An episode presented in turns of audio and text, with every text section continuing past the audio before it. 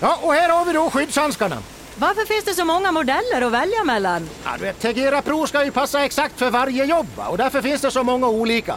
Och glöm inte att rätt skyddshandske gör halva jobbet. Okej, då tar jag två.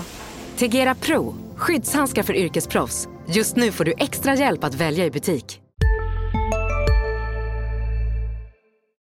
Det har varit seriepremiär, det är måndag. Sanny och Svensson är tillbaka med avsnittsnummer 35. Och då tänker man ju givetvis på målvakter. Men jag börjar med att riva av en utespelare direkt. Eh, backlegendaren i Rögle, Kari Eloranta, måste man ju riva av där. Han är ju legend i Ängelholm. Eh, vi har en annan riktig legend och det är ju Peter Roslin. Eh, Eh, gammal svensk landslagsmålvakt, stod bland annat i Leksand. Eh, sen har vi en annan som är legend, kanske bara i Malmö får man väl säga. Ola Nilsson, numera Ola Kanem heter han. Jag fortsätter på målvaktstemat. Linus Ullmark, eh, som var så bra sista säsongen i Modo och har etablerat sig i NHL. Kimmo Kapanen, som jag själv med spelar i Timrå, en helt otroligt temperamentsfull kille och het målvakt.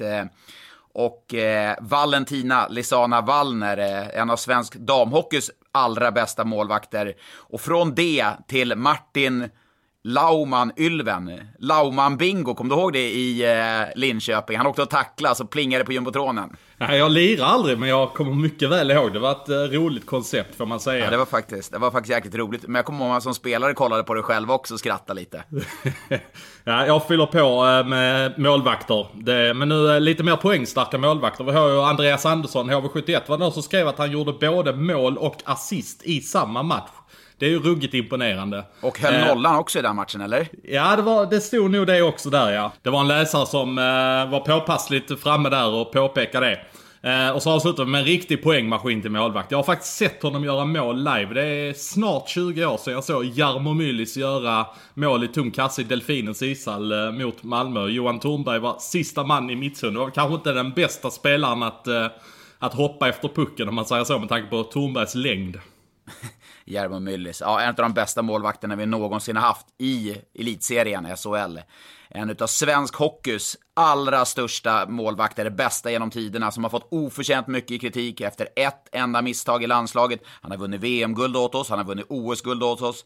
Tommy Salo. Tommy Salo förtjänar så ofantligt mycket kärlek, så att ja, kanske Tommy Salo till och med lyssnar på det här. Vi älskar dig Tommy!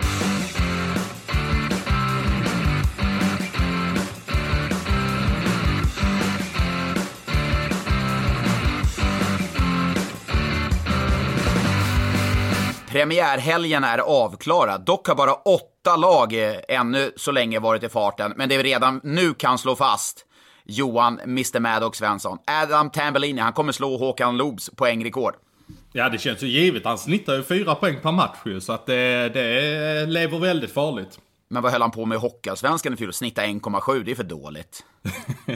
ja, och då var han ändå bäst i ligan. Nej men eh, fantastisk start för honom och vilken kemi han hade med Dennis Everberg direkt här nu. Det äh, känns ju oerhört spännande måste jag säga. Ja, och då, vet, då var ju inte ändå kedjan med Briset och Sar, de var ju inte framstående på något sätt. Och då kan, det är det ett form av sparkapital, visserligen efter en omgång, men Ja, jag, jag satt idag, jag såg inte den matchen eftersom jag samtidigt var i Frö, eller Göteborg och gjorde Frölunda mot HV. Men jag har efterhand suttit och kollat på alla Tambellini's byten. Fyra poäng. Han hade faktiskt kunnat gjort både fem och sex poäng. Ja, nej men de hade ju en oerhörd kemi där och det är precis som du säger att eh, Bristedt och sa hade väl verkligen inte sin bästa kväll på jobbet och eh, Ja, de eh, får ihop ett bra powerplay där. De har satt in Simon Ryfors som eh, centrade mellan Sar och Bristet. Han var ju inne i deras powerplay och han fick ju... Han har du ju faktiskt eh, plussat upp lite här inför säsongen att han skulle kunna få ett potentiellt genombrott eftersom han kanske tar en centerplats som behöver fyllas efter Ted Brithén.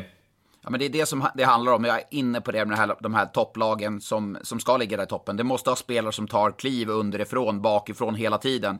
Det går att förlita sig absolut på spelare som Bristedt och Sar eh, och Everberg. Men du måste ha spelare som Ryfors, Höglander, även Ferguson där bakifrån som verkligen liksom etablerar sig och tar steg.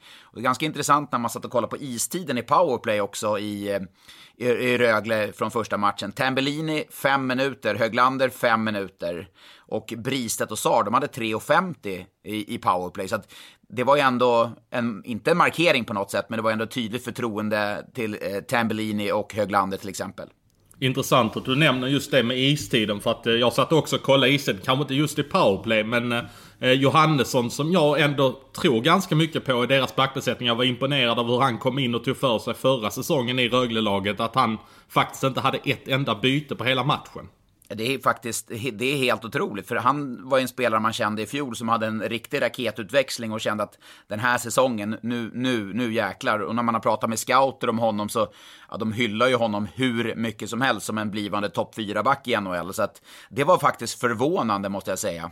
Ja, det innebär ju verkligen att Rögle har ett kapital eh, med både honom som de kanske kommer matcha in bättre. Det får vi ju nästan utgå från. Plus då Briset och eh, Sar och så kommer de väl förmodligen värva här längs vägen. Men jag, jag, eh, jag lägger upp en liten boll för fortsättning. Jag har en liten grej på Rögle som vi kan prata om senare då. Ja, ska du, du, du, ska, du ska hålla mig och lyssnarna lite där alltså? Ja men det tycker jag. Ja, de, de är ju ändå någonstans på jakt efter uh, att uh, spetsa till sitt lag uh, på centersidan och även ytterforwards nu sen Lavoie försvann. Men jag kan väl få anledning att återkomma där då. Du har ett namn, du har ett specifikt namn alltså? Ja men det har jag. Okej, okay, ja, men jag, jag, jag, jag kommer vara på det här snart igen. Men eh, medan du satt eh, i tvn där och eh, du var både arg och hyllade och du, du passade på att dela ut en rejäl känga till Leksands målvakter där. Ja, men jag tycker ju ändå någonstans att här har man förstärkt upp med nya tränare. Man har förstärkt upp backsidan med Matt Cato och eh, Norén. Man har värvat in, ja i stort sett en helt ny första kedja. Rivik är ju kvar i den och men på målvaktssidan har man inte gjort någonting och jag blev både hyllad och kritiserad för mina tankar kring det. Precis som det ska vara. Att jag är inne på att Leksand behöver hitta en målvakt som ger lite trygghet till laget och eh, jag tror inte att de har Alltså de har inte det förtroendet för både Janne Juvenen och Axel Brage. Man ska säga det att båda målvakterna, när de är bra är de ju riktigt bra. Men de kan ju faktiskt är, blanda... Är de, riktigt, är de riktigt bra då? Alltså... Juvonen är riktigt bra när han är bra. Det får okay. man ju ändå säga. Tycker inte du det eller? Jo, jag, jo men det, det, är för sällan. Men eh, jag, nu var ju visserligen Jovonen jäkligt bra. Jag, eh, jag trodde ju att det var Jovonen som hade börjat och när jag bara såg snabbt på Twitter, eftersom jag gjorde matchen där i Göteborg som gick samtidigt, så såg jag Leksand har bytt målvakt. Oj, okej, okay. då har man sänkt Jovonen, men det var ju tydligen Brage som började. Och bara det i sig mm, tyckte jag var lite konstigt faktiskt. Ja, och då har man ju ändå någonstans givit Axel Brage förtroende. Oj, ja du får börja premiären och sen så är han borta efter 40 minuter och när matchen börjar har du ändå gjort en markering mot Juvonen att du är inte tillräckligt bra för att stå i premiären. Så att, eh, men vi kan väl vara rätt överens om att det blir Janne Juvonen som startar i nästa match. Ja, det blir intressant. Då ses ju vi eh, eh, face to face. Eh, Malmö mot Leksand på tisdag. Ja, det får vi se om vi gör. Jag får inte lov att springa där nere i korridorerna numera. Nej, så att, eh, skönt, att, skönt att de har separerat så att man inte... Ja, men det är bra. Du får hålla dig på pressläktaren. Ja, men precis. Är, är det, sådana tydliga... Vad händer med intervjuer och så efter match då? Får du inte vara där nere då heller? Nej, jag tror inte att vi får vara mer än nere i eh, green room där presskonferensen är. Förra green room, green room. Det låter ballt ju. Det, det, det är låter, bättre att vara det, i green room. Det, lå, det låter väldigt mäktigt såhär green room, men det heter ja, green men, room faktiskt. Men vad, vad gjorde du i intervjuerna efter matchen? Nej, men i korridorerna. Eller vad gjorde du i intervjuerna? Green room. Då vill man ju hellre göra intervjuerna i green room. Du kanske kan få göra dina intervjuer i green room. Ja, det ska jag faktiskt. Jag ska fråga. Jag ska, jag ska försöka få en intervju med Sylvegård under matchen där. Men då blir det mellan båsen. Men jag kanske kan ta den i green room istället. ja, det låter bra. Det låter jättebra. Nej, men eh, det, det blir intressant möte där direkt. Det blir lite måste-match även för eh, Malmös del. Och en, en, eh, ett lag som de någonstans ska ha bakom sig. Om de nu vill vara där de vill vara, vilket kanske är lite naivt, men det är en annan ja, sak. Ja, men då är, det, då är det många lag. Då ska de ha 8-10 lag bakom sig när de ska vara där de själva vill vara. Men ja, du, eh, jag lärde mig någonting i fjol. Jag skulle ju såga Gustav Lindvall efter premiären mot Oskarshamn i fjol då, efter, jämte knylarna. Det lärde jag mig. Och nu har du kanske, får du en bitter läxa här när du såg Leksands målvakter. Men kom ihåg i fjol hur jag unisont hyllade i Brynäs Ingman i början av säsongen? Ja, det gjorde, det gjorde jag verkligen. Ja, och han, han, gick ju in lite i den berömda väggen. Han var inte lika bra efter det. Eh, han hade visserligen en helt okej debutsäsong. Nu är jag där igen och kommer hylla Mattias Norlinder. Ja, men allvarligt. Ja, men du, det, alltså det kan vi slå fast direkt ja, att du kommer, du kommer inte gå på en mina där, utan det här är ju Nej, mer att du sparkar är... in en dörr ju. Ja, men det här är ju helt sinnessjukt vad bra han är. Alltså på ja, riktigt. Ja, ja, ja, jag har sett honom flera gånger under försäsongen, så jag är inte förvånad ja. överhuvudtaget. Ja, men killen åker ju bara och skrattar på isen. Alltså, han ja, ja. åker runt Allting och är ju så självklart. Allt är så självklart. Ja, men det, alltså jag, jag såg ju honom mycket i Modo i fjol. Eh, jätteimponerad. Jag såg honom i JVM. Han var, han var sjunde back. De byten han gjorde, gjorde han det jättebra, men han fick ju liksom inte en roll där han fick möjlighet att stå ut på något sätt. Sverige hade bra backar där med Nils Lundqvist och Rasmus Sandin och Viktor Söderström. Absolut. Men när jag såg honom i lördags där, det var ju Alltså jag blev så imponerad, så bara stod och tittade på honom. Och i båset sen emellan där, han, bara, han stod och skrattade, nästan så här smådansade lite och hoppade ut igen. Det är ändå det är ändå SHL-debut, det är ändå mot HV, det borde finnas en nervositet. Ja, men vilken sköning. Ja, ja, jag är inte ett dugg förvånad. Och, men jag ska säga det också att är det någonting Frölunda är duktiga på så är det väl faktiskt att ta hand om sådana backar. Jag tycker en sån som Filip Johansson är också mer självklar i det han gör ute på isen nu sen han kom till Frölunda. Jag minns inte honom som alls någonting framträdande i Leksand. Det kändes som att han hade, ja, som att han hade el i klubban lite grann i Leksand. Jo, ja, jo, och där hade han ju inte skridskoåkningen heller. den hade han tappat helt och hållet. Så att, nej, han ser ut som en nyback. Jesper Sellgren är ju... Eh, då kan man tänka sig en sån som Theodor Lennström som är inlånad. Han, han syntes knappt i matchen. Och då ska man veta att i fjol när han blev skadad så var det ju ett enormt tapp för Frölunda. Det var ju liksom, när han försvann så försvann ju allt kreativt spel från Frölundas backar. Ja, men då, då har de ju verkligen ordnat upp. Och jag har ju faktiskt nu när jag sett dem mycket på försäsongen här Frölunda. Det är ju det är toppbetyg på deras backbesättning. Och det är väl lite grann därför jag tror att de eh, också kommer vara så pass högt upp i toppen. För att om det är någonting man kan ifrågasätta i Frölunda så är det ju faktiskt eh, deras forwardspetsen efter att Lash har försvunnit. Nej, ja. du behöver inte ifrågasätta det nu såklart. Nu när du har nej. sett vad du har sett. Men, men det är väl kanske det man på förhand kunde ifrågasätta. Ja, nej, var, jag var jätteimponerad av Frölunda. Det, det, har gått en match. Man ska vara väldigt försiktig med att kasta sig på och hylla för mycket. Mattias Norlinder, ja men herregud, det är helt underbart att se. Eh, sen tycker jag också att de här eh, Karl Henriksson, Nässén, de, alltså, de kom in och bidrog med en jäkla fart. De har ju fått en helt annan balans. Men vet du vad som var bäst i HV71? Uh, eh, nej. Kolla tröjan. Ja, det är klart att det var Dammi som var bäst i H71. Han, han, han, han är... kom ut med, han kom ut med en kaffe till mig. Det, det, finns ju inga pressfika, det finns ju ingenting. Såklart, jag förstår det. Men då kom Dammis ut med en, eh, en kaffe till mig och det var snällt. Och det var nog det, den bästa prestationen från HV skulle jag vilja säga i lördags. Och det säger en hel del, måste, måste ja. du göra. Ja, det var jäkligt bleka faktiskt. Jag var, man står ju där mellan båsen och kommenterar, då får man ju en bild av matchen. Sen, sen kan ju, när man reviderar den, när man kollar matchen lite i efterhand, så ser man, ah, men jag fick den och den uppfattning, men HV var faktiskt sämre tycker jag när jag såg dem i efterhand matchen eh, än när jag såg dem på plats. Och då tyckte jag faktiskt att de var bleka. Ja, alltså, men en sak jag ändå hajar till lite grann över när jag, eh, när jag kollade på matchen var ju det här med eh, att de drog i Hesa Fredrik. Det var en, eh, en fråga som faktiskt kom in till oss också här såg jag längs vägen. Eh, har man gjort det tidigare när det har varit Aldrig någon varit med om det. Nej, är det nytt för säsongen eller? Nej, min uppfattning, eh, och jag har försökt få tag i lite folk idag men inte fått något svar. Men när pucken är släppt, då är situationen klar. Det vill säga att är, har man inte gjort en videogranskning på det här och pucken är släppt, ja men då är det ett nytt spel, då kan man inte gå tillbaka.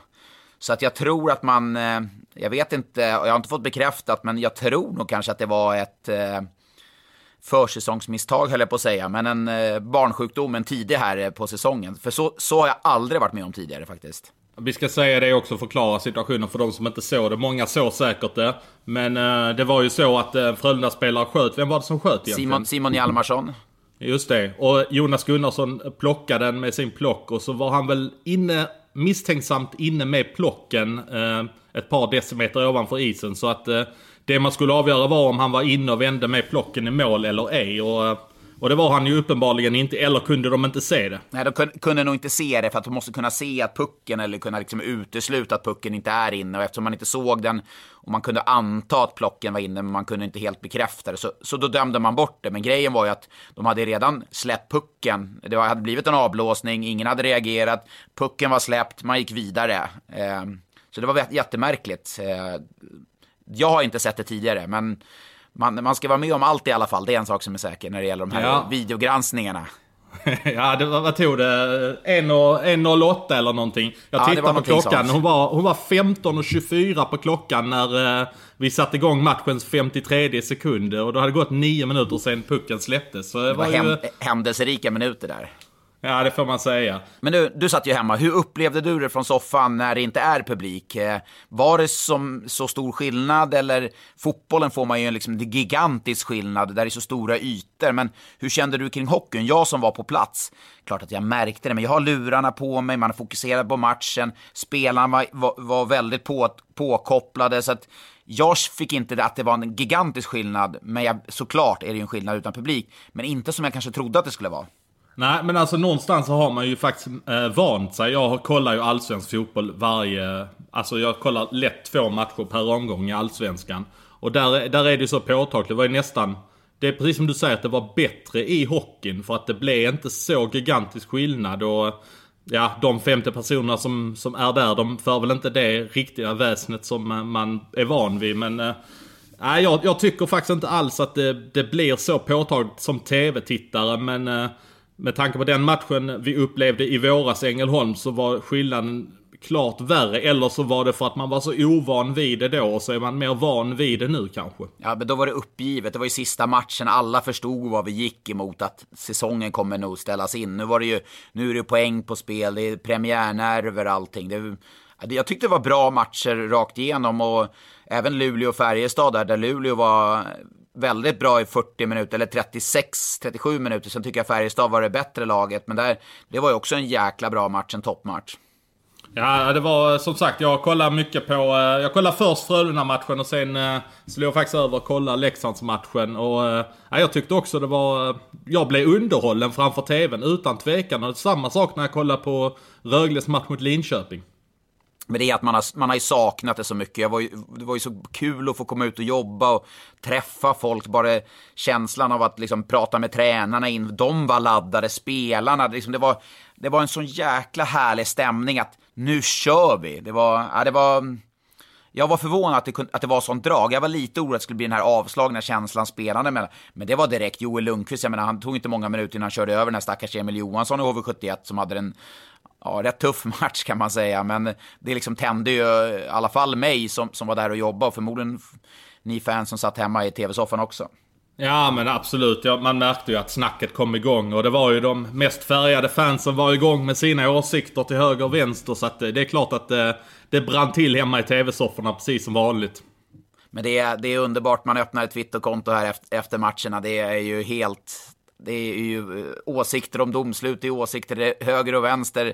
Man hade nästan glömt bort det här efter 190 dagar utan live-hockey eh, eller utan jobb. Ja, i lördag så valde jag ju att fokusera en hel del på eh, Skellefteås match mot, eh, mot Leksand. Där de eh, gick upp till 1-4 och det gjorde de ju genom fyra powerplaymål. Ja, ett av målen var väl två sekunder efter ett avslutat powerplay. Så det får väl räknas som ett powerplaymål. Och Ja, man kan tänka sig att när Skellefteå eh, gör mål i powerplay så handlar det mycket om Jocke Lindström och Oskar Möller. Men eh, så var det ju faktiskt inte. Jag blev ju väldigt förtjust direkt i en sån som Jonathan Berggren och eh, vad han visade upp i den skickligheten. Skapa chanser, bra passningar, allting. Eh, va, har du sett någonting av det i efterhand eller? Ja, nej men det, det var ju fyra matcher i, i lördags bara, så att då kunde man ju faktiskt se alla. Jag, så, jag gjorde ju som sagt Frölunda HV. På tåget hem såg jag Färjestad, eller Luleå-Färjestad. Sen när jag kom hem sen senare på kvällen så såg jag eh, Rögle mot Linköping och i söndags så såg jag då Leksand mot Skellefteå. Det är ju, ja, jag vet inte, det är en arbetsskada eller någon form av abstinens. Men eh, Nej, jätteimponerad måste jag säga av Skellefteå. Det är som var inne på Rögle där. Du måste få spelare bak, bakom stjärnorna och leverera. Och nu var det ju faktiskt de som levererade. Frödén, Berggren, ja men titta på eh, Filip Broberg. Alltså, herregud vad han gjort under sommaren. Eh, uppenbarligen tränat på bra och växt in i SHL-kostym, men han var ju dominant. Ja, men det, var, det är väl just det som gjorde Skellefteå lite framgångsrika här för en 6, 7, 8 år sedan. Att det kom så mycket spelare underifrån. Det var ju det som var framgångsfaktorn för Skellefteå. Det var ju inte att det var färdiga stjärnor som Jocke Lindström och Oskar Möller som levererade match efter match. Det är klart de gjorde det också, men det var det ju ändå ungtupp. Ja, det ja, var ju ungtupparna som gjorde det. Melke Karlsson kom, Petter Emanuelsson, Viktor Arvidsson. Det var ju ja, back, backbommen de hade där med Rumblad, Eriksson. Eh, Petter Granberg och Adam Larsson och så vidare. Det var ju, nej, eh, så är det. Men eh, det var ganska intressant för de ledde ändå med 4-1. Och när, liksom, när Leksand började hämta upp, då var det Möller som gjorde ett misstag i, i powerplay som senare gjorde att det blev mål. Det var liksom, det var de här unga, nya, Wingeli, det var ju de som faktiskt, det var ju de som bar dem på något sätt i, i, i eh, lördags. Och oerhört starkt också att de kommer tillbaka i, uh, i sadden och sen vinner matchen också. De, det skapades ju något helt vansinnigt ja, det... med chanser alltså. Ja, men det är aldrig, alltså 3 mot 3, det, man kan ju tycka vad man vill och 3 mot 3 personer tycker jag är väldigt underhållande. Men det, det skapades så galet mycket chanser åt båda hållen, men framförallt åt, jag menar, det var ju 2-3 mot nollor. Det var ju, alltså det var helt galet vad, vad Leksand släppte till chanser och Jovonen fick göra den ena eh, räddningen efter den andra där i sadden. Ja, det fick ju Gustav Lindvall faktiskt också göra. Kanske inte lika galna som Juvonen. Och det får man ju säga om Juvonen att då, då visar han väl ändå att han kan vara bra när han är på topp. Men som sagt, över tid tror jag inte det håller. Men Leksands första kedja, den eh, har vi väl pratat om lite tidigare och alla har ju sett vad de har gjort på försäsongen. Här gick de rakt in i serien och eh, gjorde samma sak. Offensiv leverans. Eh, jag tror eh, Celark landar på tre poäng direkt i sin första SHL-match för Leksand. Eh, Ja, det där kan nog visa sig vara en riktigt bra värvning. Ja, absolut. Dock ett eh, litet eh, frågetecken man kan sätta kring det här. Och jag vet att det är jättemånga som har frågat om det här nu när vi skickade ut frågan på Twitter. Just istiden på den här toppkedjan. Det var ju, de var ju 25 plus minuter samtliga. Eh, jag älskar ju på något sätt att man eh, spelar sina bästa spelare mycket. Jag tycker det är lite löjligt ibland att man ska ligga på 18 minuter. Jag, eh, som när Bulan Berglund kom in i eh, i Brynäs för ett gäng år sedan. Då var det ju Greg Scott, Rudin och eh, Oskar Lindblom. De låg ju för 22-23 minuter. Alltså det var ju inget snack. De skulle ligga där. De var bäst. Och jag gillar ju det på något sätt. Eh, nu har man visserligen match på tisdag direkt, så det ska bli intressant att se när de möter Malmö nu då, hur är man påverkade av just de 25 rätt tuffa minuterna man fick där i, i lördags? Ja det kan man fråga sig. Men jag tror att de, i alla fall nu i början, de, ja. får, väl lite, de får väl litet uppehåll här nu. För att eftersom det inte är så många matcher direkt i september. Så då kan de väl ändå kräma ur rätt mycket av eh, det folket där. Så jag tror att eh, de kommer matcha dem eh, rätt hårt mot ett Malmö som släppt in rejält med mål här under försäsongen. 28 mål på fem SHL-möten. Ja, och Oskar Alsenfelt som jag har lyft fram som SHLs bästa målvakt det är klart att det, det finns ju, när, när, matcherna gäller, då kliver ju han fram. Men sett under försäsongerna, det han har stått, så har det ju läckt oroväckande mycket billiga mål skulle jag vilja säga. Det är inte vant, det är jag inte van att se från hans sida. Han har väl kommit upp i den åldern nu, Alsenfelt, att han kan ja. kosta på sig att skita i försäsongen, i stort sett. Om man, det, ja. det gör han ju såklart inte, men... Men det är ja. klart att den spelarna har ju en av och på-knapp på ett tydligare sätt än vad kanske en ung, ung målvakt eller en ung utespelare har. Så har ju Alsenfelt att okej, okay, nu är det skarpt läge. Ja, det var ju bara fyra matcher som spelades, men man, man spanar ju ändå till lite extra så här i början på, uh, tittar man igenom, vad har vi för istider och så vidare. Och man hajar ändå till på lite grejer. Det är möjligt att det är småsaker, men Istiden på till exempel Jonas Junland, den var väl drygt 13 minuter. Det är ju inte vad jag förväntar mig på en eh, lagkapten, en härförare i försvaret. Tittar man på en sån som Wojtek Mosik i Färjestad så landar väl han in på typ 11 minuters istid, var uppsatt som sjunde back. Du som ändå är gammal back, kan du förklara vad det innebär när man får den Alltså det är ju förhållandevis lite istid för att vara en så tongivande back som både Junland och Mosik är. Absolut. Eh, jag kan bara dra paralleller. Eh, jag hade ju Lill-Kenta Johansson i fem, fem år hade jag honom i Timrå. Sen kom Challe Berglund in som tränare sjätte året. Eh, och första matchen kom jag ihåg borta mot eh, Linköping. Eh, då spelade jag 16 eller 17 minuter och jag kände, alltså så lite hade jag typ inte spelat sen ja, de tre, fyra senaste säsongerna i Timrå. Så jag var så här, jaha, fan ska det vara så här den här säsongen? Men då kom Challe upp till mig dagen efter, kom ihåg när hade vi träning. Du, jag kollade istiderna igår. Ja, hur kändes det, sa han. Nej, men nej, det, det kändes inget bra. Nej, men du ska inte spela så där lite. Då gjorde han det ändå tydligt för mig, så det var ju skönt att veta. Men nu i Junlands fall, 13 minuter, alltså det, det är nästan en halvering mot vad Junland har spelat tidigare i sin karriär i till exempel Schweiz. Det, det är ju det är, tuff, det är tufft alltså. Och det, jag varit förvånad. Nu ska man veta att det, de har spelat med två backar, de hade väldigt mycket powerplay där i, eh, i, mot Rögle. Då var det Nikkele och Filip Berglund som spelade. Djurgården fick ingen de, de, de landar ju på alltså, en bra bit över 20 minuter båda två. Ja, Nej, men det, det, det, kommer inte funka att hålla Junland liksom under 17-18 minuter under en säsong. Det, då får man inte ut eh, något spel av honom, för han är en spelare som liten gammaldags om man får säga. Det är inte på det sättet, men han flyter runt i spelet. Det är inte lika mycket start-stopp som det är kanske på en del andra spelare. Och har du då en flytande back som inte har det där start-stopp-spelet, som ska spela 13 minuter, då har du ingen, då har du ingen, faktiskt, då ska jag dra så långt att du har faktiskt inte så speciellt stor nytta av honom. Och Måsik där i Färjestad, om jag går vidare på honom direkt, det, det, är bara en tidsfråga. Eh, hade inte det varit det här eh, läget i världen som är så hade han, då hade han varit i ett annat lag i KL förmodligen, det är jag helt övertygad om. Ja, jag slängde faktiskt ur mig lite grann när, eh, jag tror det var någon diskussion på Twitter här i somras med Johan Ekberg på Värmlands Folkblad. Och då bara haspade jag ur mig att ah, Morsik ryker under säsongen. Han får inte plats i det här för att eh, de måste spela in Albert Johansson. Jens Westin passar så himla bra med Virtanen och, och Ginning som inte ens var med upp till Luleå. Han ska väl också spelas in i det här. Så att eh, någonstans på vägen så tror jag inte att det finns plats för en sån etablerad back som, eh, som Mosik ändå är. Nej, vi är helt, helt eniga med det. Och också ett annat nyförvärv som Färjestad hade som var uppsatt som 13 forward som jag trodde mycket på inför säsongen. Såklart inte ett upp på Olle Lycksell och ni som har följt den här podden vet ju att eh, jag vurmade ganska hårt för Lycksell i fjol, att det finns en potential i honom. Men noll poäng gjorde han under försäsongen. Uppsatt som 13 forward direkt nu när, när serien börjar. Det är, ja, det är en, det är en tuff, tuff start kan jag säga. Kan en sån kille känna press på sig när han ändå kommer till en större klubb än Linköping? Han tar ett steg för att visa upp sig mer och, och få en bättre roll och så får han inte. Det blir ju en, lätt en ond spiral av det om det inte kommer här i början. Ja, det, det, är klart att det kan bli. Samtidigt, han, han gick ju till Färjestad för han har förmodligen sett vad de har gjort med, med, med forwards tidigare utvecklat och kom väl kanske med att med ganska gott självförtroende kände att ah, ja, men Linköping jag fick inte chansen där, nu får jag den i Färjestad och så börjar man som trettonde forward.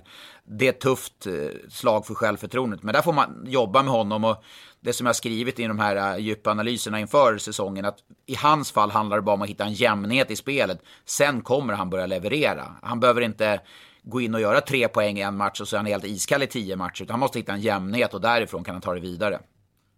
Du som ändå såg matchen på tåget hem från eh, Göteborg. Vad fick du för känsla av en sån som Jakob Nilsson? Eh, jag förväntar mig 35-40 poäng av honom och han landar in på 0 poäng i första matchen. Okej, Luleå borta, det är svårt att leverera en sån match, men vad var dina intryck? Ja, lite, lite sävlig med pucken, eh, ska styra powerplay, hamna lite för långt ut i i, i sina passningslägen. Alltså du, du, han kan inte göra några avgörande passningar när han står så nära eh, långsargen från, det, från den positionen han står. Han måste krypa närmare, kanske inte riktigt ha det självförtroendet att göra det som Marcus Nilsson till exempel, som han ska ersätta. Eller som, ja, men som Elias Andersson ska göra i HV71, eller den typen av spelförande spelare. Eh, Linus, Linus Klasen i Luleå till exempel. Jag tyckte att han, så, han var väldigt blek första matchen och jag har sett en del på försäsongen också. Jag tycker inte han har stått, eh, stått ut på något sätt. Då tycker jag Jakob Petersson har varit bra mycket bättre än vad Jakob Nilsson har varit inledningsvis. Men en som fick en eh, bra start på sin vistelse i nya klubben är ju Viktor Berglund i Luleå som pangade in första målet i Delfinen för säsongen. Ja, och en assist på det också. Såg ju jättefin ut och rörlig och det var ju ja, vi pratade ju om Norlinder där. Det är ju, ja, vi ska inte äh, sticka någon, någon, någon, någon finger i ett öppet sår här på alla Modo-fans, men alltså vilket lag de hade i fjol. Sorry. Alltså Berglund och Norlinder i, i, backarna bland annat och massa Och då har du inte ens nämnt Tom Hedberg som var bästa ja, back i laget. Nej, och, och Tambellini. Och, ja, det blir tufft ja, såklart. Nej, ja, nu går vi vidare. Vi, vi släpper, Förlåt vi släpper det där. Ja, det märks att du är timrit. Nej, men nu, eh, nu har jag suttit här på nålar, suttit och väntat. Ge mig ett namn. Vem är Rögle ute efter? Ge ja, mig bara namnet. Ja, vi kunde ju läsa här på Hockey News eh, att de hade plockat fram ett eh, namn här. En college-spelare, Cole Cofield. Eller hur, hur uttalar man namnet? Ja, ja, han spelade JVM i fjol. ja. Cole Cofield. Ja, men precis. Coolt, coolt Ja, namn ändå. Ja, men han är ju, han är ju riktigt eh, bra talang. Så att det, det kan ju bli intressant om de får in honom. Så att vi, Men ändå, vi, ändå en spelare född 01 som inte har spelat seniorhockey. Det är klart att det är en fin talang, men det är inte bara bara komma in i SHL och, och Absolut leverera. inte. Det, det är ju bara att kolla vad Lavoie till exempel. Alltså han hade ju ändå problem. Och, Ja, vad hände där? Vad hände där? ja, ska vi ta den från början då? Hej, Synoptik här. Visste du att solens UV-strålar kan vara skadliga och åldra dina ögon i förtid? Kom in till oss så hjälper vi dig att hitta rätt solglasögon som skyddar dina ögon. Välkommen till Synoptik. Just nu pågår vår stora season sale med fantastiska priser på möbler och inredning. Passa på att fynda till hemmets alla rum, inne som ute, senast den 6 maj. Gör dig redo för sommar. Välkommen till Mio. Eh, fick vi ju, eh, jag och eh, min kollega, eller vår kollega Jakob Johannesson fick ju information här på lördagen om att han hade lämnat truppen och det bekräftades ju av Chris Abbott att han inte skulle spela matchen där på lördagen och då var det ju bara att tuta och köra med nyheten att han, att han skulle lämna Rögle vilket även bekräftades efter matchen. Han har gjort en poäng tror jag här under försäsongen. Han har väl inte riktigt kommit i sin rätt. Han har hamnat långt ner i laget och då ser väl Edmonton inte riktigt att varför ska han vara i Rögle och kanske inte få den speltiden som han är utlånad för. Så att det där blev väl ändå ett beslut som var rätt ömsesidigt. Man brukar dissa när eh, klubbarna skriver eh, äh, ömsesidiga beslut och sådär. Men det här kändes ju väldigt ömsesidigt. Vad ska han göra där om han inte får spela? Ja, nej, så det var, det var inget mer än så, utan han, det, det fanns inte en, en roll eller han accepterade inte en roll eller det var, utan att det var, det var bara ett läge där han inte, det funkade inte helt enkelt. Ja, de hade ju möjlighet att bryta innan serien skulle starta. Sen att de tog det beslutet precis kvällen innan premiären och han tränar på som vanligt. Det, det kanske var lite märkligt sådär men har man möjligheten att ta det beslutet så, så gör man det. Men de är fortfarande på jakt efter en center ju såklart. Ja. De, det, det är ju den här Ted Brithén-ersättaren och Ja, alltså jag hör ju att de jobbar ganska hårt på att få Dennis Rasmussen faktiskt. Oj, oj. Ja, vad, har de alltså, för relation, vad har de någon relation eh, med varandra? Cam Abbott, var han i Växjös juniorlag? Han när- var i Växjös juniorlag men eh, vad jag hör så har de tagit ganska mycket hjälp av en sån som Hampus Lindholm som, eh, som kanske kan hjälpa till lite grann, prata gott om Rögle inför Rasmussen. De har väl säkert stött på varandra lite i landslaget och så vidare. Ja, spelar väl i, i, också tillsammans i eh, Anaheim, tänker jag. Ja, men just Dennis det, det gjorde de där också ja. Eh, och det är klart att, eh, att det är klart Rögle ska nyttja att man har en sån som Hampus Lindholm som pratar gott om regionen, vilka steg han tog i Rögle och kan berätta hur utvecklingen har varit och sådär. Eh, för många spelare i klubben. Så att eh, och skulle de landa Dennis Rasmussen så eh, får de en snudd på ett komplett lag kan man väl nästan säga. I alla fall framåt. Ja men herregud, det vore ju en alltså, superförstärkning deluxe. Eh, då, då pratar vi ändå... Och jag tyckte en sån som Ferguson, som, som var, han var bra i premiären. Du har... eh, Nej, det vore ju... Då, nej, det vore ju helt... Då har du helt plötsligt eh, Rögle som kliver upp som en solklar eh, toppkandidat. Eh, till och med jag skulle sträcka mig så långt så att det är tidigt, jag vet. Respekt för det. Men, då, men menar, med den typen av spelare i en första kedja då, då snackar du ju guldpotential. Ja, ja, ja, ja, absolut. Eh, Dennis Rasmussen är väl ganska tydlig med att han hela tiden har suktat efter att spela utomlands och eh, KL har varit går, hans... tiden går. Ja, Alltså, men precis, det var det, jag, det var det jag tänkte komma till att man, man kommer ändå till ett läge där Nej, det blir kanske inte det budet utomlands. Jag kanske ska ta ett år på hemmaplan. Och jag tror att Dennis Rasmussen är den bästa av världar. Säkert hade velat spela för Växjö. Hans lillebrorsa spelar väl i juniorlaget där också. Eh, så att jag tror ju att han helst hade spelat där. Men samtidigt om man inte får chansen. De har inga pengar i Växjö för att plocka in Dennis Rasmussen om inte de löser det på ett externt vis. Så att eh, då kanske Rögle kan vara där och erbjuda något hyfsat lukrativt ändå. Jag tror inte att de kommer vifta med de stora sedlarna för att få Dennis Rasmussen. Det har inte Rögle råd att göra. Men eh, kan de erbjuda något hyfsat och pe peka då på att det är mycket spelare som har tagit kliven. Vi ger dig en chans att hitta rätt eh, kontrakt till nästa vår så är det väl jätteattraktivt för honom. Ja, nej, det, det vore ju en superförstärkning. Jag menar, KL, de har spelat 7, 8, 9 matcher, lagen där. De är inne i rullarna, de är inne i säsongen. De har inte pengarna heller, som du var inne på. Så att, alltså, de, den typen av spelare, de sitter ju lite i, i skiten, även om han har varit jättebra i landslaget och i KL de senaste åren. Han har ju spelat med faktiskt i samma kedja också som Dennis, eller som Dennis Eve, Everberg tillsammans i landslagen när det var en VM-guld också. Så att eh, det finns ju en tydlig connection där. Men det är väl faktiskt en viktig ingrediens som ändå saknas i Rögle för att de ska bli kompletta, i alla fall i din värld. Och det är ju eh, den bästa backen av dem alla. Bästa backen i världen, Cody Curran. Ja, precis. Ja, men där, eh, där sitter de ju faktiskt i ett lite knepigt läge med tanke på att eh, hade det varit att han inte signade i Omsk så hade han ju faktiskt fått spela under hösten här i eh, Rögle. Eh, men det kan han ju inte i dagsläget och det går mycket snack om att ja men ska vi hitta en lösning på det där. Jag såg att eh, Abbott uttalar sig lite lokalt att Ja men allting är egentligen löst med honom men det finns ett problem utan att gå in på och då kan vi väl räkna ut att det är SHL som är problemet.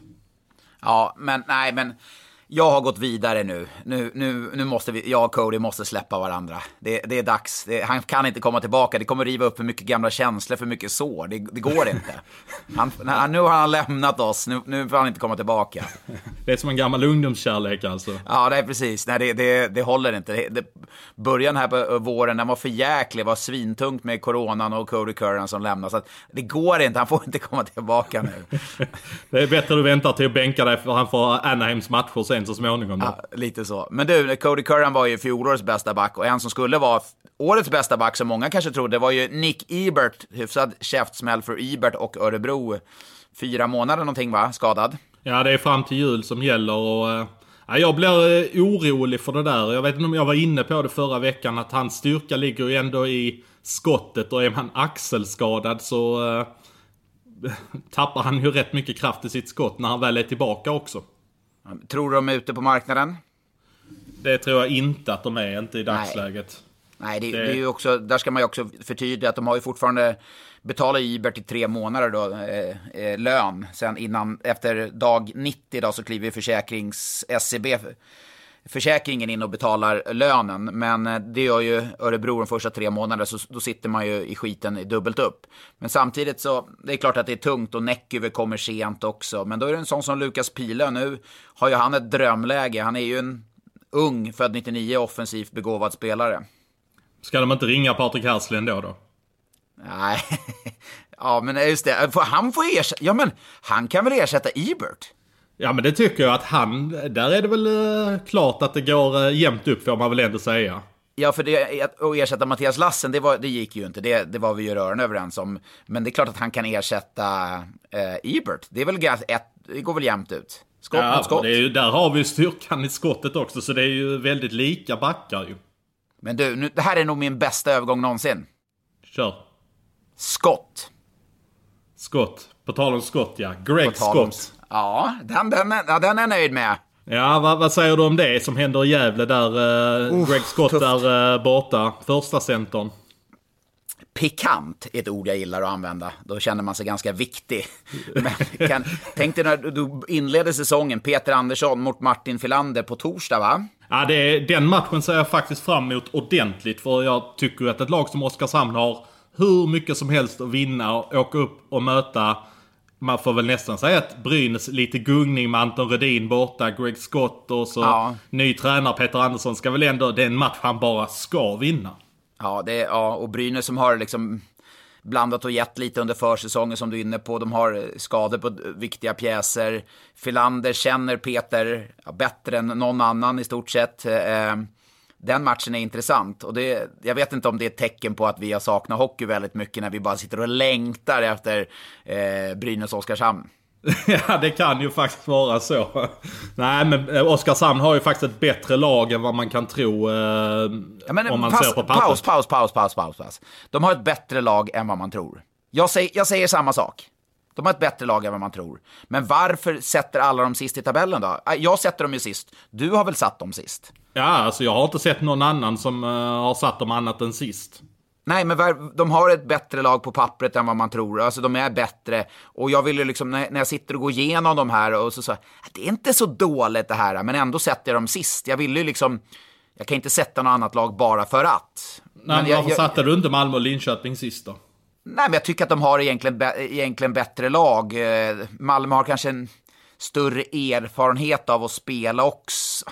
Alltså jag, jag, tycker att det är så jäkla svårt det där. Jag, jag, jag ville verkligen kriga in Oskarshamn högre upp och jag, jag, tror i grunden på dem mer i år. Men jag kunde inte sätta dem någon annanstans än sist. Nej, men jag landar ändå i någonstans handlar det ändå om vad de har för lag på pappret när vi sätter ett tabelltips. Och även om de har ett bättre lag så har de väl kanske inte tillräckligt bra lag för att uh jag vet inte när de var borta leken förra säsongen. Men det var väl ändå 10 omgångar kvar till, innan de var helt väck. Och det är ju ändå, det är ändå 20% kvar av serien då. Ja, ja absolut. Men eh, tror du de kan sätta press på lagen ovanför eh, på ett tydligare sätt? Om man tänker det, att det... Det, det, tror jag definitivt att de kan göra. De har en bra målvakt i Kanata. Kommer han bra in i SHL-kostymen här nu så, eh, så kan de bli riktigt obehagliga faktiskt du, du skulle jobba på säljavdelningen i Gävle eller i Oskarshamn. Den här matchen längtar jag ju till redan ja, den matchen är helt given på torsdag säger jag. Ja, den är underbar. Men du, en som inte kommer få spela nästa omgång och inte några omgångar framöver, det var Adam Edström i Rögle. Vad var du mest förbannad på i den situationen? Tacklingen eller att Jarno Kärki, som blev tacklad, spelade eh, 30-40 sekunder efter? Nej, äh, alltså tacklingen i sig, det, det är sånt som händer. Man såg hur Adam Edström, eh, hur han ändå skämdes när han klev ut. Han var riktigt besviken på sig själv att han kom in så sent i den situationen. Så det finns väl inte så mycket annat att säga om det egentligen. Ah, jag, är väl mer, jag är väl mer besviken på hanteringen från Linköping och deras medicinska team. Att man, att man bara tittar till honom lite snabbt och får ett OK från honom. Ett OK från en spelare där, där adrenalinet pumpar. Han vill in och spela powerplay fem minuter. Alltså för mig är det, det, det är konstigt. Jag håller med Patrik Westberg som ändå ifrågasatte det under matchen där direkt när det hände. Ska han verkligen kliva in här direkt? Du som ändå har varit med om huvudsmällar, alltså adrenalinet gör väl ändå en hel del. Det är väl först när man har lugnat ner sig lite grann som, att, ja. som det kan hända att man får den där huvudvärken.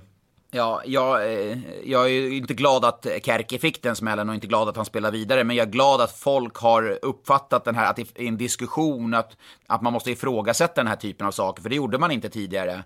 Eh, och det här, i det här fallet, det har jag sagt så jäkla många gånger, det, det är inte spelaren som ska avgöra om han ska spela vidare. Utan han måste ta sig av, ta sig av matchen, in i omklädningsrummet, lägga sig ner, ta det lugnt, känna efter. Och jag menar är det då så att man gör de här testerna på honom och märker att nej men okej, det ser bra ut, då kan man komma ut till perioden efter i så fall.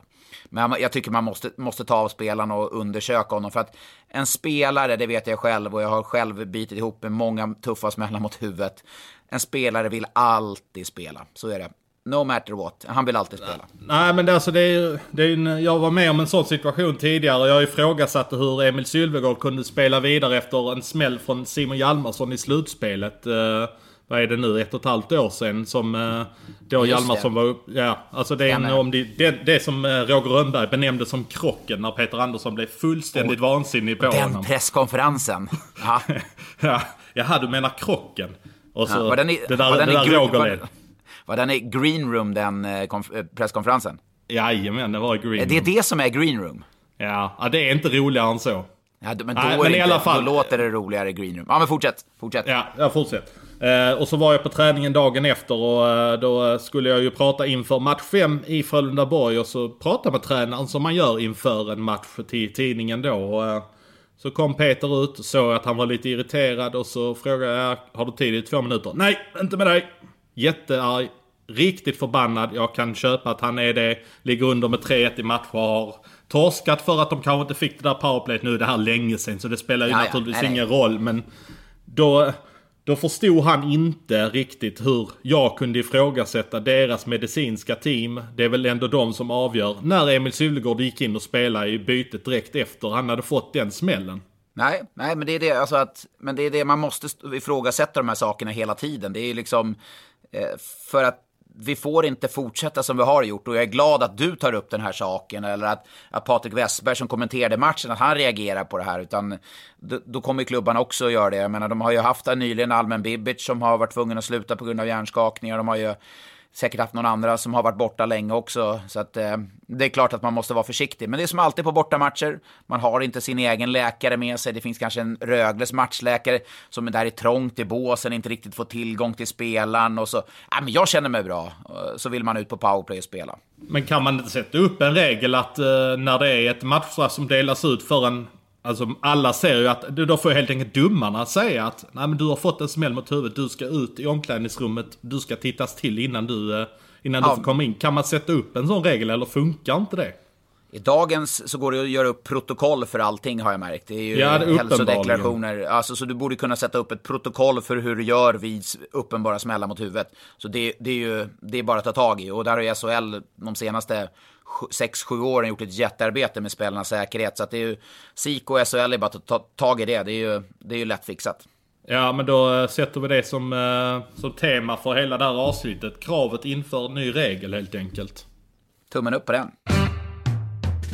Ja, premiärhelgen, den eh, inleddes ju med en avslutning på försäsongen. Det var ju väldigt skumt egentligen.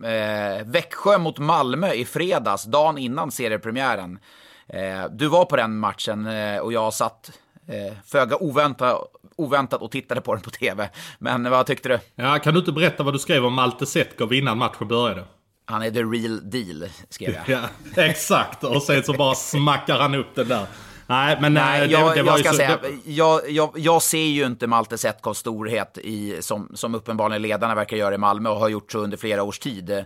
Tycker inte han var speciellt bra när han var utlånad till Kristianstad i fjol och jag tycker inte han har satt avtryck i Malmö heller. Och då, då har man ju Anton Olsson till exempel född 03. Det vill bara lasta på honom istid. Sen kommer han också vara ojämn såklart. Men eh, Ja, det var väl min ingångsvärde till den matchen. Och sen så smackade han dit den där. Jag ska väl inte säga det att jag har varit överdrivet förtjust av Malte Setkov, men jag tycker ändå han har tagit lite kliv här under försäsongen. Men nog snackat om Malte Setkov. Han eh, får väl bevisa mer innan han får mer utrymme här. Men en som jag faktiskt har blivit lite förälskad i här under eh, de här två matcherna jag har sett Växjö här under eh, september. Ja, det kanske man kan tro att det är Rickard Yngman. är man ju redan förälskad i sedan tidigare. Speciellt när han spelar med Robert Rosén. Men Jack Drury, han eh, ser allt mer intressant ut. Han har ett jäkla nyp i sitt skott. Eh, skridskoåkningen, eh, alltså storleken, hur funkar det tycker du? Ja, ingenting jag anmärker på sådär, inte som jag har reflekterat över. Men jag har mer sett honom när han får spela powerplay, får lite tid med pucken. Det, jag, ska, jag ska inte jämföra honom med Elias Pettersson såklart. Men alltså det nej, nypet det... han har, det nypet han har när han smackar upp dem. Alltså han hittar luckor i målet som imponerar på mig.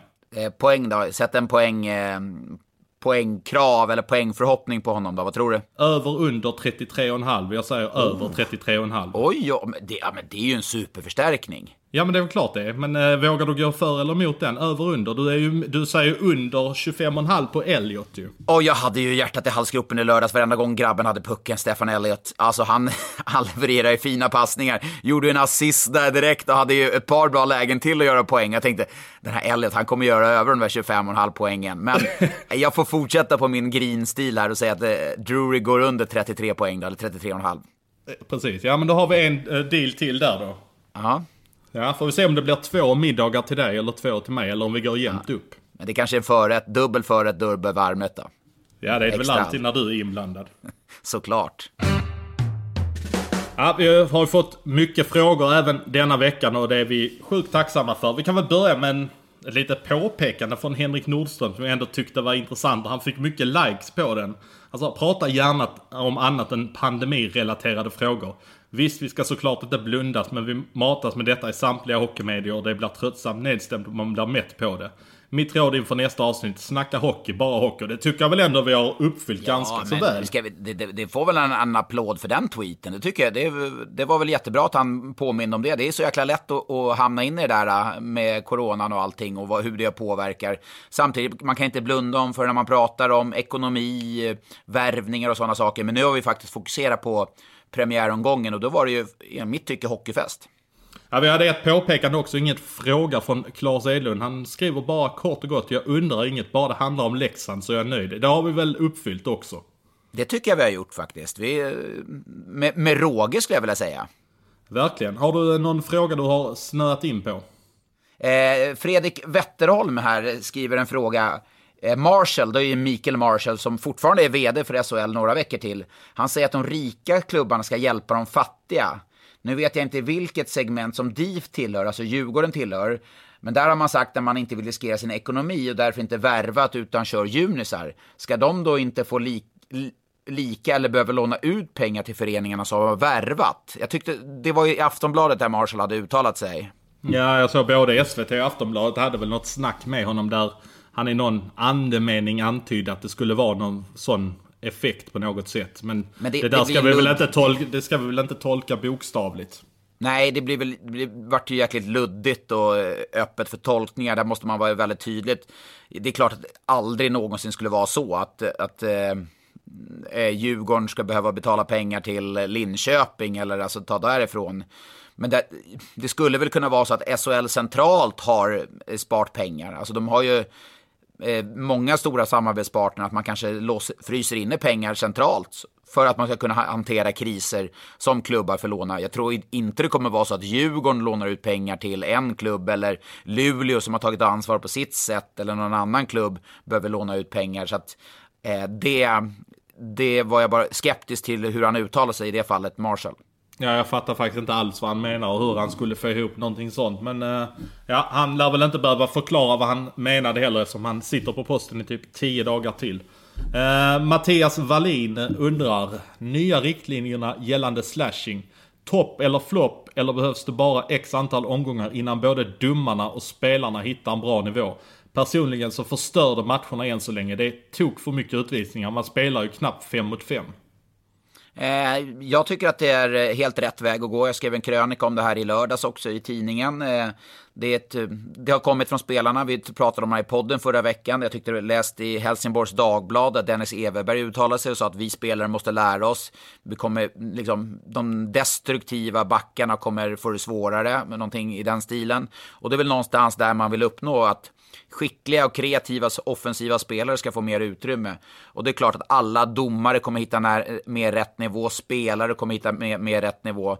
Men går du ner i junior och ungdomshockey så spelar de här spelarna på det här sättet. De, de, de slashar inte lika mycket som man gör högre upp. Och när jag har varit på JVM till exempel, jag har haft förmånen att vara på de turneringarna. Det är inte i närheten av lika mycket slashing internationellt som det är i SHL. Så varför ska vi hålla på med det här hemma? Så det är Men helt beror, det, beror det på att eh, de har det regelverket som vi har satt upp här i Sverige nu då? Ja, det, domarna följer. Jag pratar med domare som har dömt JVM. Där är de väldigt noga när, när de har de här eh, konferenserna och snacket inför turneringen att slashingar ska beivras. Och det, vi har ju inte riktigt varit så strikta på det här i Sverige. Jag tyckte att det var en... Det är klart att det alltid kommer finnas. Det fanns någon i Luleå, det var någon i Rivik tror jag det var i Leksand. Det kommer alltid finnas någon, någon utvisning här och där som, som, som kommer vara rätt, kommer vara fel. Absolut. Men jag tycker att det är rätt väg att gå. Eh, att vi eh, faktiskt eh, gynnar de bästa spelarna. Så det är, vilka du betalar pengar för att se. Det är ju det är mål, ja, schyssta tacklingar såklart. Det kommer fortsatt, det är, fortsatt kommer ju vara en del av hockey, men slashingar det är inte tufft spel. Det är fult spel. Frågar du, frågar, frågar du valfri Leksing så hade de nog inte önskat att se så mycket powerplay lördags. Nej, det är visserligen sant. Men de, när de får sitt powerplay där de slänger in Rivik och, och, grabbarna, då blir det åka av.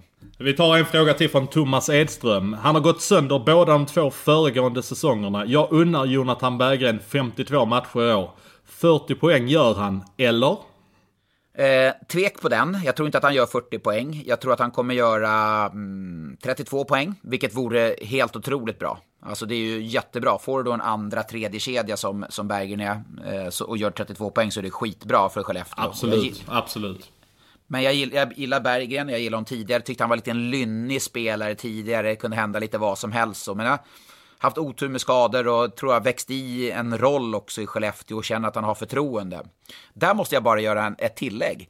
Såg du när de filmade, vad heter det, Skellefteås bås? Tänkte ja, på det? Vad, vad ja, Andreas Falk såg ut som världens mest rutinerade tränare i sin, ja, ja, ja, sitt coach. Det såg jag bara, där är Andreas Falk den jäkeln. Han såg, han såg hur rutinerad ut som helst ju. Ja. Vi tar en som faktiskt är riktad direkt till dig från Viktor Larsson. Eh, hur stor skillnad är på en arbetsdag i år jämfört med tidigare sett till arbetstiden? Att hålla avstånd och dela, inte vattenflaskor, rutiner, förstår vi. Eh, ja, det är en intressant fråga, Viktor. För att eh, som jag har förstått så kommer vissa klubbar fortsatt permittera spelare även när serien är igång här. Vilket jag måste säga att det förvånar lite. De har ju under sommaren permitterat spelare och de har i grunden samma rätt till, till permitteringar som, som vilket företag som helst. Det säger jag ingenting om. Men när serien börjar, hur räknar du arbetstid? Eh, och hur räknar du att du ska jobba 80% av 40 timmar när du spelar hockey? Jag kommer ihåg när jag satt i styrelsen i SIKO, det här var säkert 2005-2006, så pratades det om att man skulle ha mm, visst antal timmar emellan eh, man kom hem från en bussresa till nästa träning. Och då var det Unionen som sa att det skulle vara lagstadgat att man skulle ha 12 timmar mellan avslutad arbetsdag till att nästa skulle börja. Och då minns jag att de såg det som eh, så att bussresan, när du kom hem från en bussresa, då var arbetsdagen slut. Vilket gjorde att vi spelare ville inte ha det. det. Vi ville inte ha 12 timmar. Kommer man hem tre från en bussresa ska du ha 12 timmar, då kan du inte träna förrän tre dagen efter. Det vill man ju inte ha heller, då går ju hela den dagen bort. Det ville man inte. Eh, så det var lite problematiskt. Nu vet jag inte riktigt hur man räknar här, men svårt att se att man ska kunna eh, få igenom de här permitteringarna under säsongen. De kommer säkert säga att vi värmer frivilligt, men även om man värmer frivilligt, då vill man ju som spelare ha rutinerna. Man vill ju vara nere på hallen. Sen att klubben säger att det är frivilligt, men skulle du kolla så tror jag nästan eh, 100% är på hallen ändå och gör någon form av aktivitet för att man gillar att göra det. Man vill inte gå hemma en hel dag, matchen börjar sju. Du vill inte gå hemma och dra en hel dag fram till fem. Det gör man inte. Ja, men det som man möjligtvis skulle kunna hålla på lite grann det är att så att säga tvinga ut spelarna på andra grejer. Alltså nu vet jag ju att många spelarna brinner för att göra det ändå. Men till exempel besöka sjukhus, skolor Absolut. och liknande mm. grejer. Att man kanske inte kan tvinga ut spelarna som säkert gör det ändå. För de älskar att bidra till samhället på det sättet.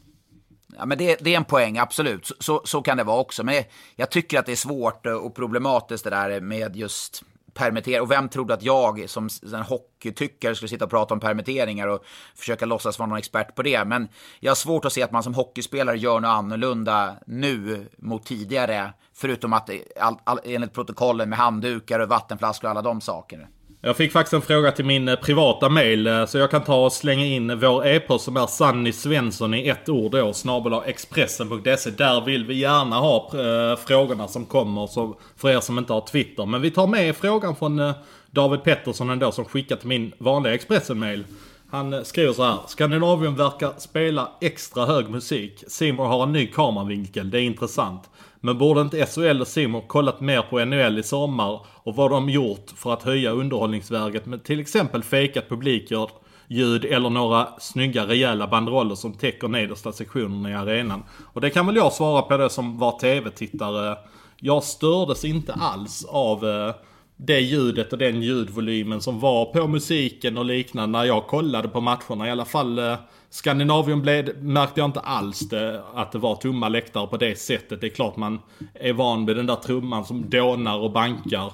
Men äh, jag, jag har faktiskt lärt mig att acceptera det och inom väldigt kort så hoppas jag ändå att vi får in 500 pers i arenorna. Då kan det ju ändå finnas möjlighet att få lite liv i luckan. Så att jag tycker att frågan kanske skulle ställts för fyra månader sedan. Då hade det kanske varit mer aktuellt när läget var som det var och det inte fanns på kartan att börja få in mer folk i hallarna. Men eh, nu tycker jag att frågan är lite sen och jag ser lite positivt på att vi får in publik i hallarna igen.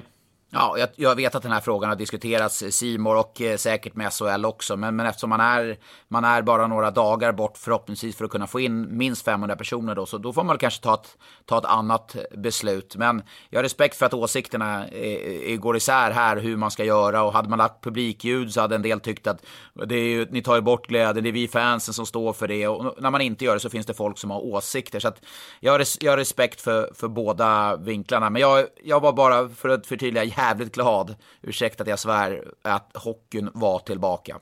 Och jag var jävligt glad när jag var i Växjö. De satt uppradade på läktaren. Lakers lakejer där. Satt uppradade med väldigt fint avstånd. Det var nästan att se den här nordkoreanska klacken i eh, OS senast. Ja, just det. Vilken, vilken struktur det var på dem.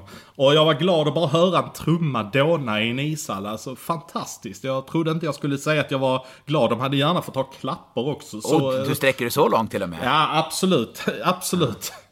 Vi avslutar här med en trogen lyssnare, eh, Joakim Hederstedt. Han frågar, har, ni, har vi fått något vykort än? Då har du varit inne på redaktionen och kollat om det landar något vykort under sommaren. Ja, men det brukar väl vår sekreterare Johan Dolk Wall eh, komma till om det kommer några vykort. Men vi har inte fått några vykort så att eh, vi, vi- hoppas att det kommer. Vi kollar där om Joakim har skickat, om det var någon passning, att, att han har skickat, det vet jag inte. Men vi får be vår sekreterare Dolkvall kolla om det har ramlat in några vykort. Ja, det tycker jag. Men du, vi eh, tar och tackar för det och så ses vi här i Malmö om eh, någon dag bara. Ja, och laddar upp inför eh, Brynäs-Oskarshamn på torsdag. Det är Ja, liksom det, blir, det blir en riktigt het vecka. Grymt! härligt. Nej, Hockeyn är igång äntligen! Yes!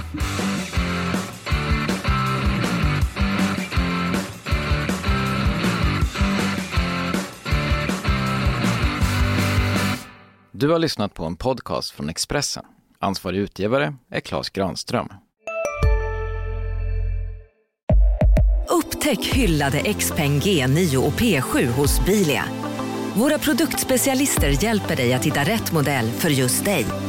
Boka din provkörning på bilia.se xpeng redan idag. Välkommen till Bilia, din specialist på XPeng. På Sveriges största jackpot-kasino går hypermiljonen på högvarv. Från Malmö i söder till Kiruna i norr har hypermiljonen genererat över 130 miljoner exklusivt till våra spelare. Välkommen in till Sveriges största jackpot-kasino, hyper.com. 18 plus, regler och villkor gäller.